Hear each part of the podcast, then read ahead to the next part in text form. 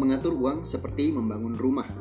Beberapa waktu yang lalu saya mengikuti sebuah Instagram live bersama seorang rekan perencana keuangan Bapak Safir Senduk dan dalam acara tersebut Pak Safir mengatakan bahwa mengatur uang itu seperti membangun sebuah rumah.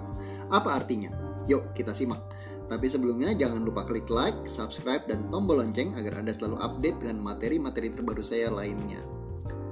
Oke, kita mulai ya. Sebelum membangun rumah, tentu kita membangun pondasi dulu. Tujuannya agar rumah yang kita dirikan bisa kokoh dan bertahan lama tidak runtuh saat gempa, tidak roboh saat badai. Pondasi adalah bagian yang terpenting untuk memastikan rumah yang kita dirikan ini bisa tahan lama untuk jangka panjang. Setelah itu, kita akan membangun badan rumah. Kita mendesain kamar tidur, kamar kerja, ruang tamu, dapur, dan lain-lain sesuai kebutuhan. Ruangan-ruangan ini berfungsi untuk memastikan bahwa semua kebutuhan kita akan rumah ini bisa tercapai. Perlu dicatat bahwa kebutuhan ruangan setiap orang akan berbeda-beda. Ada yang membutuhkan ruang perpustakaan, ada yang membutuhkan ruang olahraga, ruang karaoke, dan lain-lain. Kita harus mengenali kebutuhan kita dalam membangun sebuah rumah. Yang terakhir adalah atap rumah. Atap ini bisa melindungi kita dari panas dan hujan, juga memberikan kesan indah bagi rumah ketika dipandang dari luar. Nah, apa hubungannya dengan mengatur keuangan? Yuk kita lihat. Yang pertama, dalam mengatur keuangan penting sekali untuk memulai dengan pondasi yang kuat. Pondasi keuangan pribadi adalah penghasilan yang cukup, dana darurat, dan asuransi. Penghasilan yang cukup artinya penghasilan ini cukup untuk memenuhi kebutuhan keluarga setiap bulan. Percuma ngomongin hal lain jika untuk makan besok saja masih belum tahu asal dari mana.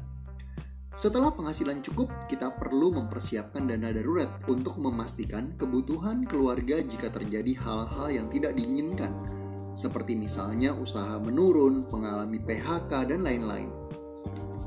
Kondisi pandemi COVID-19 sekarang ini menggambarkan dengan tepat kebutuhan akan dana darurat yang cukup. Selanjutnya, pondasi yang terakhir adalah asuransi. Asuransi bisa berupa asuransi kesehatan, asuransi sakit kritis, dan asuransi jiwa. Asuransi kesehatan berguna untuk membayar biaya perawatan di rumah sakit. Asuransi sakit kritis untuk membiayai biaya hidup keluarga jika terjadi sakit kritis yang memakan waktu berbulan-bulan hingga bertahun-tahun.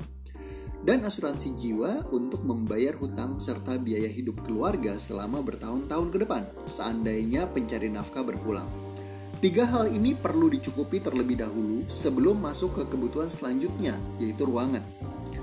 Nah, dalam merencanakan keuangan ada kebutuhan-kebutuhan di masa depan yang perlu kita persiapkan.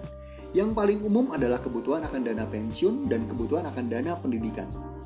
Kebutuhan lainnya adalah untuk persiapan beli rumah, jalan-jalan, perjalanan umroh, ziarah keagamaan, beli mobil, modal usaha, dan lain sebagainya.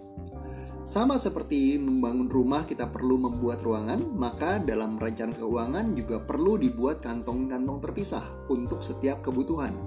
Untuk memastikan bahwa kebutuhan-kebutuhan tersebut dapat terpenuhi. Investasinya pun harus yang aman dan perlu dihitung dengan teliti bagaimana agar bisa tercapai dan mencukupi kebutuhannya. Konsultasikan ke mode investasi uh, yang cocok untuk Anda dengan perencanaan keuangan Anda Resiko yang bisa Anda ambil adalah yang berisiko rendah hingga menengah di bagian ini, tergantung jangka waktu yang tersedia dan profil resiko Anda. Nah, yang terakhir adalah atap. Bagian atap ini adalah investasi-investasi yang mungkin bisa Anda lakukan ketika seluruh kebutuhan keuangan sudah terpenuhi. Investasi di bagian atap ini bisa saja berupa investasi berisiko tinggi yang mungkin Anda tertarik untuk mengikutinya Jangan gunakan investasi di bagian atap ini untuk memenuhi kebutuhan ruangan Anda, karena Anda harus memastikan anak Anda sekolah tinggi, terlepas apakah investasi Anda berhasil atau tidak. Jangan sampai anak Anda sudah harus masuk kuliah tetapi tidak jadi karena investasi Anda yang berisiko tinggi ini gagal bayar. Demikianlah tips merencanakan keuangan seperti membangun rumah yang bisa saya sharingkan. Bisa dipraktekkan dan semoga berguna untuk teman-teman semua. Silakan hubungi perencana keuangan terpercaya Anda untuk konsultasi lebih lanjut. Jika Anda merasa video ini bermanfaat, silakan share kepada teman-teman lainnya. Saya Indra Hadi Wijaya, Certified Financial Planner.